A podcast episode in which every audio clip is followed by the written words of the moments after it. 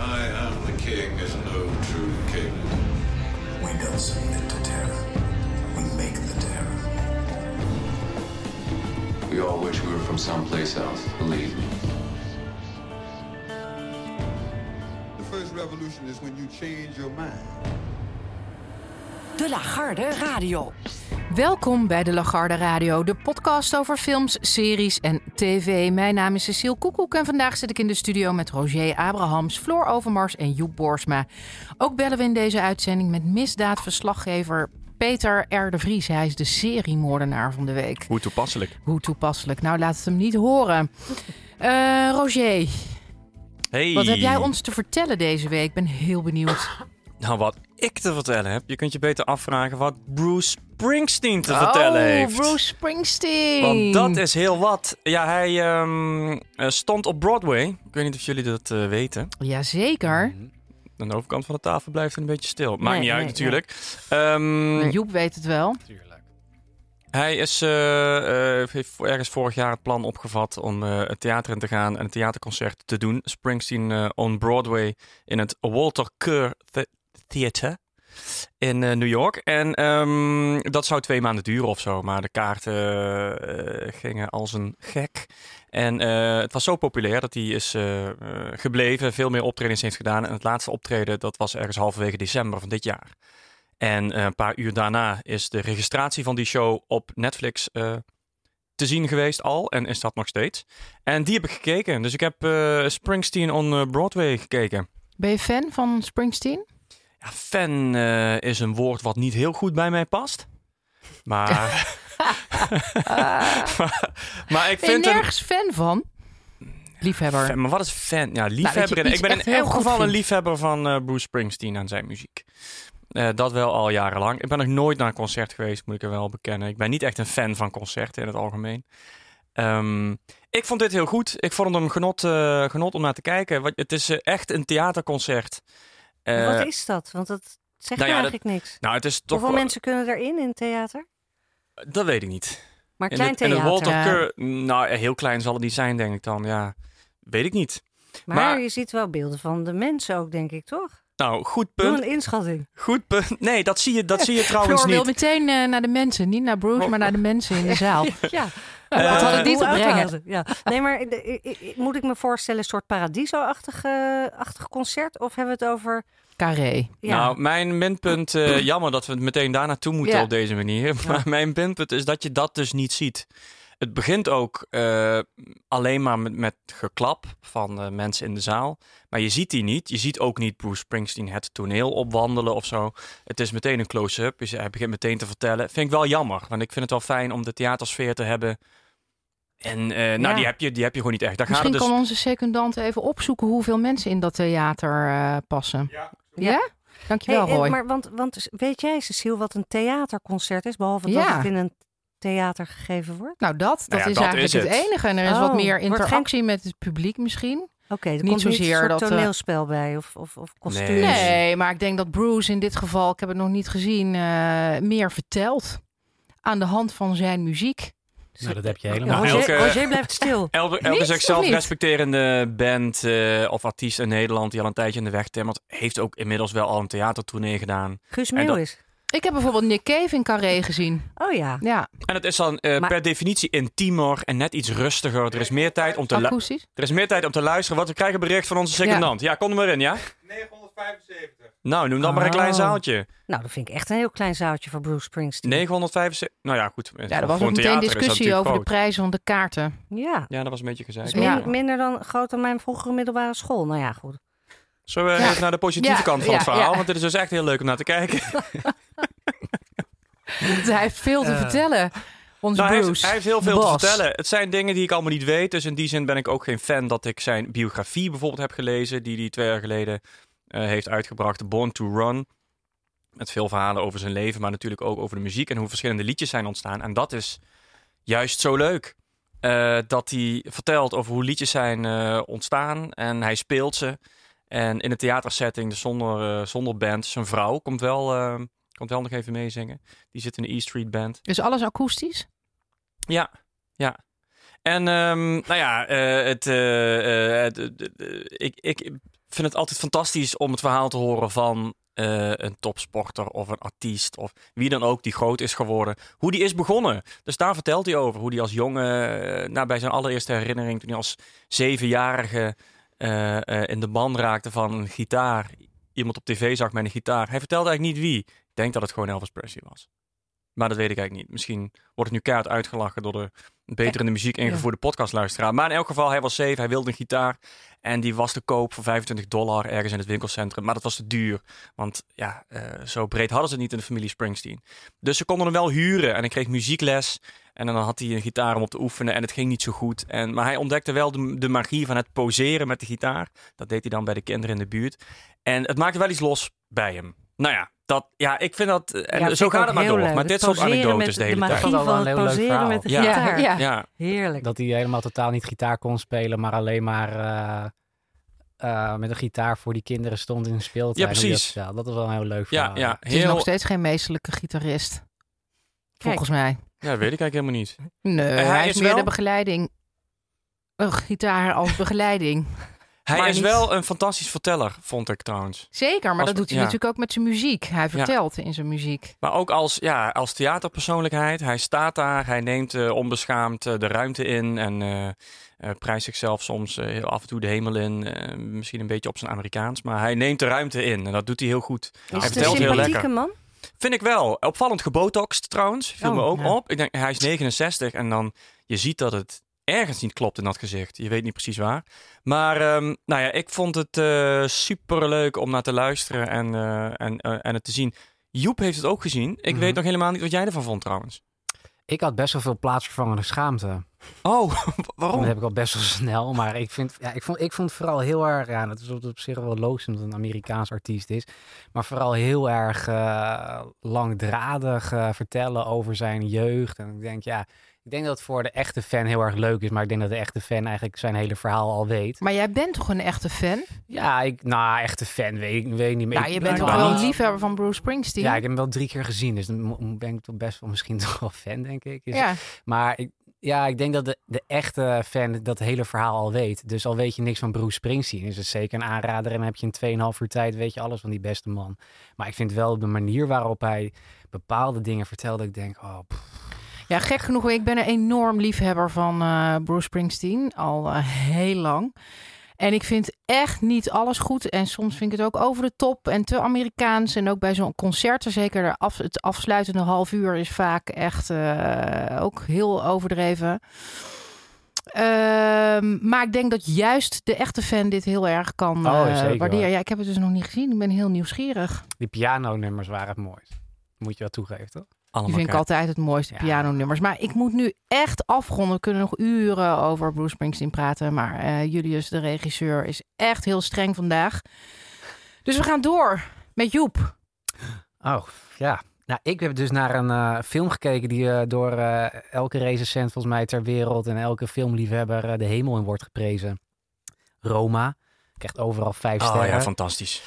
Eh, krijgt zelfs op IMDb een 9, op Rotten Tomatoes, een website, zelfs een, eh, zelfs een 10. Eh, echt, o- eigenlijk overal. Dat is ook de reden waarom ik deze film ben gaan kijken. Maar Rotten Tomatoes is volgens mij een website die een 10 krijg je daar omdat het zo slecht is, toch? Of niet? Nee, nee, als het echt 100% is, dan is het gewoon, eh, is het gewoon goed. Ja, oh, ik dacht die alleen maar films heel slecht bespraken. Maar Zo Nee, klinkt nee. het wel, Rotten ja, Tomatoes. klopt, zo klinkt het wel, maar zo is het dus niet.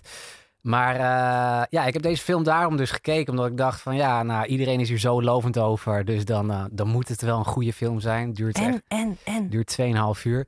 Ja, ik vond het dus niet echt, eigenlijk. Maar het is wel een hele mooie film na te kijken. Want ik heb nog nooit een film gezien die zo mooi... eh, nou ja, zo mooi weet ik echt niet. Maar het, ja, veel panorama-shots heeft deze film. Dus ja, heel veel, het, wordt, het wordt heel mooi gefilmd. Maar het verhaal speelt zich af in de jaren 70 in Mexico-stad.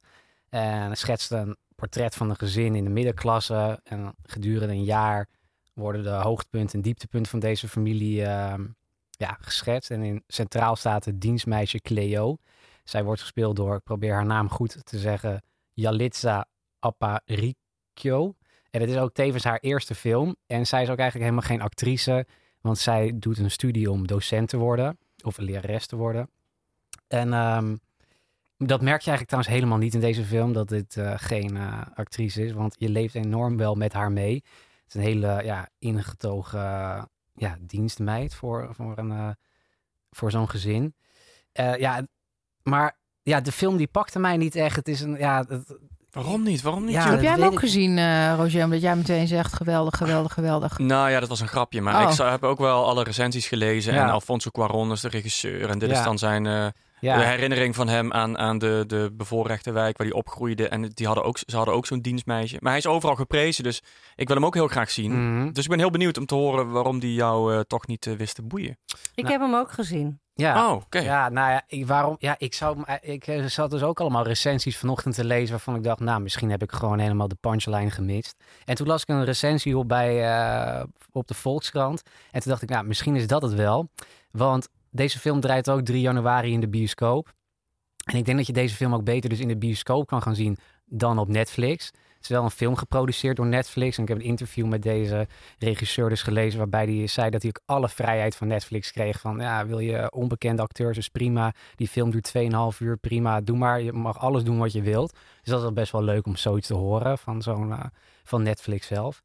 Ehm, maar ja, toch, ik, ik, ik, zat constant ook met de afstandsbediening in mijn hand... het geluid harder en dan weer zachter te zetten. En dus ik denk dat in een, in een eh, theater of in een bioscoop het veel meer tot zijn recht komt dan wanneer je thuis eh, gaat kijken. Maar vond je hem saai of zo? Ja, Nou ja, Wat vond film- jij, eh, Floor? Ja, ik vond het een hele mooie film. Moet wel zeggen dat ik hem niet helemaal heb uitgekeken. Want ik begon vrij laat aan de film. En eh, nou ja, dus, maar goed, ik heb drie kwart gezien. Ga je nog afkijken? Zeker. En ik vond het een hele mooie film.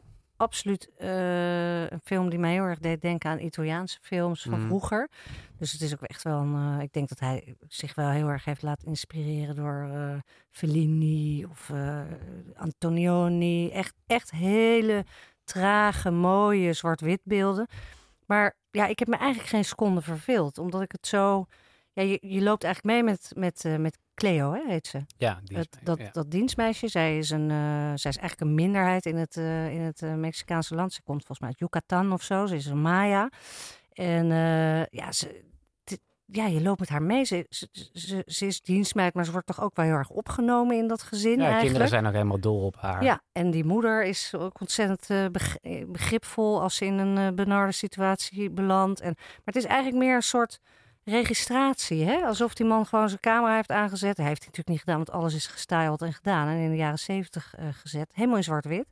Maar er gebeurt niet zo heel veel. Nee, er gebeurt eigenlijk niks. Oh, Tenminste, misschien op het mooi. laatst wel. Maar het is gewoon Nou Dan, ja, dan snap ik soort wel een beetje, denk ik. golf waar je op zit en waarmee je... Hup, en dan zie je dat. En Echt een ook- arthouse. ook wel best wel wat humor in hoor. Als die vader thuis komt met die auto. Ik Ja, zeker. Wat, wat, je dat, eh, wat wel leuk is, is dat eh, de cameraman tijdens deze film uitviel. En dat hij zelf ook de rol van cameraman eh, op zich heeft genomen. Oh ja? Oh, De Ja, dus dat regisseur? dan- ja, Oh. dus dat is dan wel, dat is wel een grappig weetje. Maar ja, er zit wel bijvoorbeeld, wat je net zegt met die moeder, is dat, ja, er zit, een, eh, zit wel een kleine plot in wat je kan vertellen, is dat zij dus een, eh, ja, een eh, doodgeboren kindje krijgt. En ja, dit gezin staat al een klein beetje op, op wankel. En daardoor merk je wel dat die moeder en dat dienstmeisje meer naar elkaar toe gaan trekken. Maar ik dacht wel van ja... Zo bijzonder is het allemaal niet. ja, ik dacht meer van ja, het is een heel mooi verhaal dat wel. Maar ik denk ja, volgens mij zijn er veel meer Mexicaanse gezinnen die zoiets hebben meegemaakt. Maar volgens mij Ja, maar, Maar dat is juist ook wel ja, mooi dat dan kan het ook wel heel mooi idee, maken ja. inderdaad. En dat ik denk Zo'n van nou, het is wel een tijdsbeeld. soort mooie ode aan mensen die in die tijd wordt een, een dienstmeid hadden. En het verhaal eindelijk eens een keer misschien dan verteld wordt.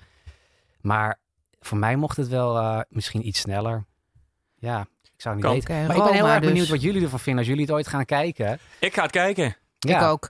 Roma op Netflix. En eh, ik weet niet, eh, we hadden ook duidelijk gezegd dat Bruce on Broadway ook op Netflix te zien is. Hè? Mm, Mm, dan bij deze. De nacht van de radio. De seriemoordenaar van de week. Stel je voor, je wordt naar een onbewoond eiland gestuurd met genoeg eten voor 80 jaar en een smart TV op het strand met vijf tv-series. Welke vijf tv-series zou je selecteren? In de vorige editie gooide Anne Appelo Floris eruit en zette She's Gotta Have It erin.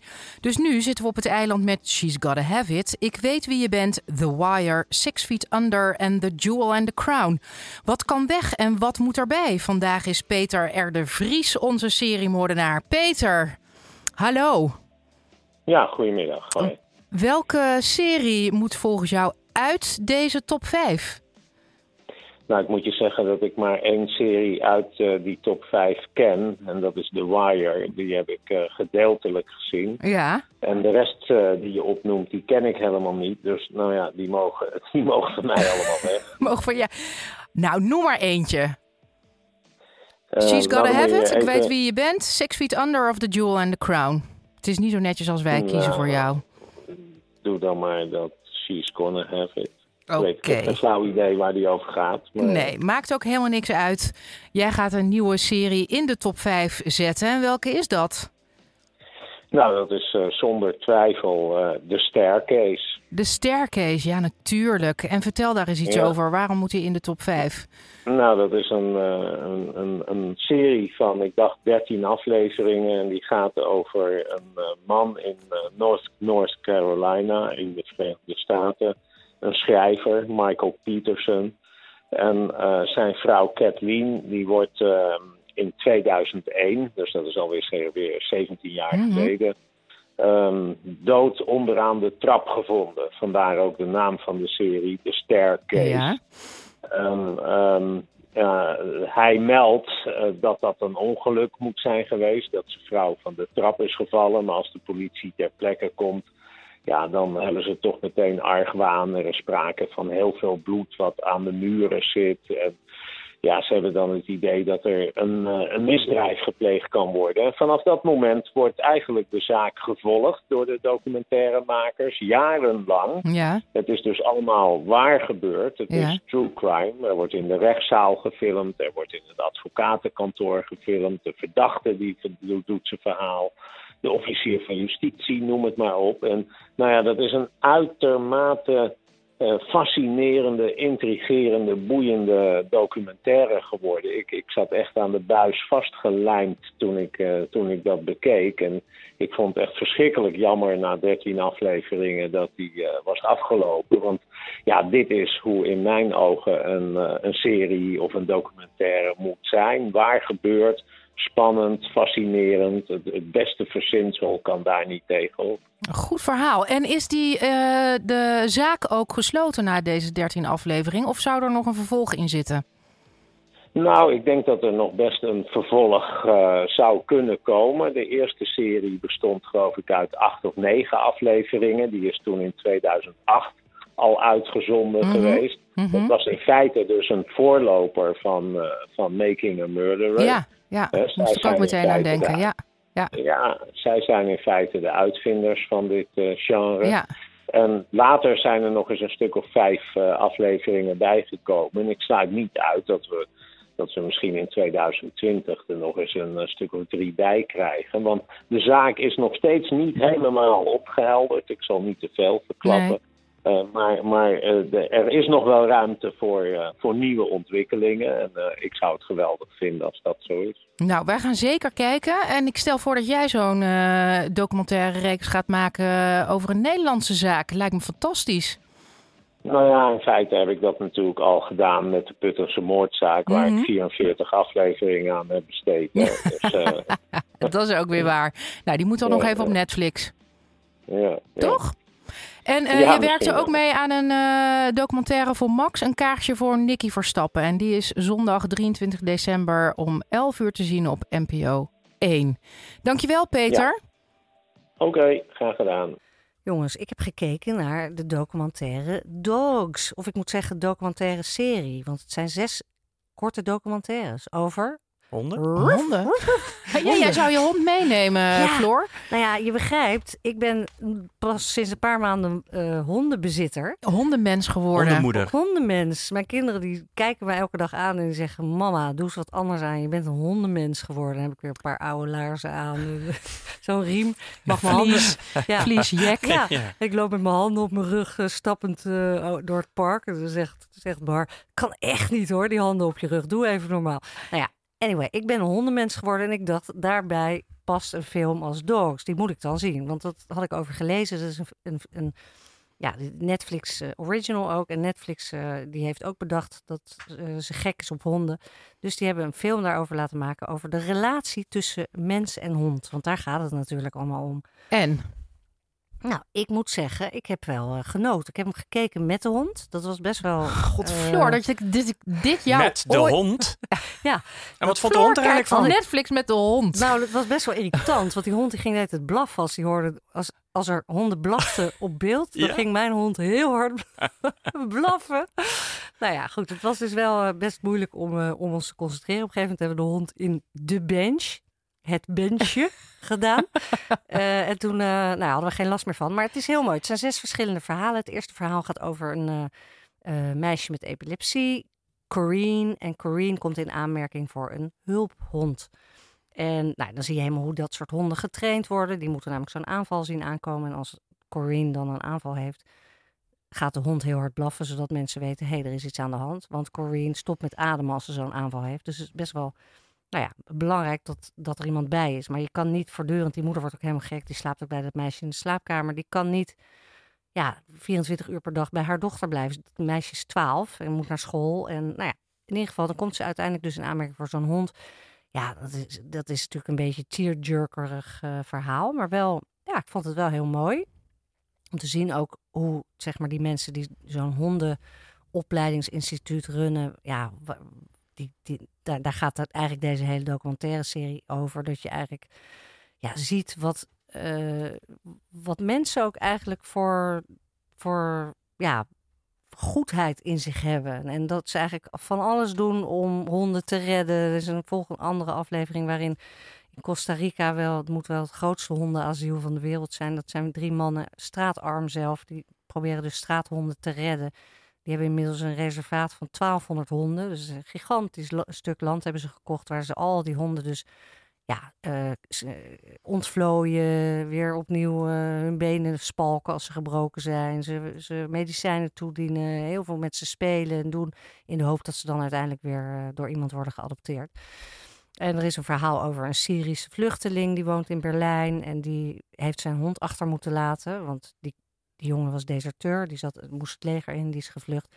Nou, die skypt dan met zijn hond voortdurend. Die mist, mist zijn hond heel erg. En uiteindelijk gaat dat verhaal erover hoe die hond dan eh, tot slot ook naar Berlijn eh, kan komen met het vliegtuig. Wat natuurlijk nogal tragisch is. Want de man die op die hond past, die zegt ook als hij via Skype dan zijn vriend aan de lijn heeft van... Ja, ik wou dat ik een hond was, want dan stopten ze me gewoon in een kooi. Kon in ik ook naar Berlijn. En dan kon ik ook Is gewoon de conclusie naar dat mensen meer van honden houden dan van mensen? Nou, dat vind ik eigenlijk wel een goede conclusie. Ja, Ja, de conclusie is dat de wereld eigenlijk minder verrot Ja. is dan je denkt als je dit ziet. Mensen zijn, Nou, maar mensen doen elkaar allerlei vreselijke dingen aan. ja, mensen Terwijl- zijn, ja, nee, dat klopt. Terwijl Dit ze is- voor honden misschien wel meer eh, primaire liefde voelen. Ja, Nee, compassie, honden Ja. zijn zieliger. Ja, nou, ik kan er echt over meepraten, jongens. Neem een hond. Het is iets, eh, het is troostrijk, het is leuk, het is gezond, want je moet de hele tijd naar buiten. Ja, en dan word je een hondenmens. Dat is dan het enige minpunt. Dat je dus alleen maar op kaplaarzen eh, door het leven gaat. Maar het is echt, het maakt echt wel iets los bij mensen. Ben ik van overtuigd. nou als het zelfs bij jou iets losmaakt, dan eh, begin ik het ook bijna te geloven. Jij klinkt nu als een hondenhater, dat ben ik helemaal niet. Maar Honden Floor was nooit per se een eh, hondenliefhebber. Nee, helemaal niet. Maar ik Nee. praat ook echt met Ja, mijn hond. En ook op hele rare toon. Dus het is allemaal helemaal... Ja, en je eh, praat ook veel over de hond. Ja, ik stuur foto's van mijn Stuurt hond. Is foto's echt, van de hond. Het is, ik ben helemaal... Er is iets in mij gevaren. Volgend jaar kan ik het misschien beter duiden of zo, wat er gebeurd is. Maar Dan komt Floor naar de studio met drie honden. ja, ik wilde, wilde de hond Gezellig. eigenlijk ook meenemen. Maar nou ja, goed. Toch maar niet. Doen we volgende keer In dogs. het nieuwe jaar. Dogs op Netflix. nou, dankjewel jongens. Dat was het weer voor vandaag. Tot volgende week met onze eindejaarsuitzending. Jee, de eindejaarsuitzending. Dankjewel Jee. Roger, dankjewel Joep, dankjewel Floor.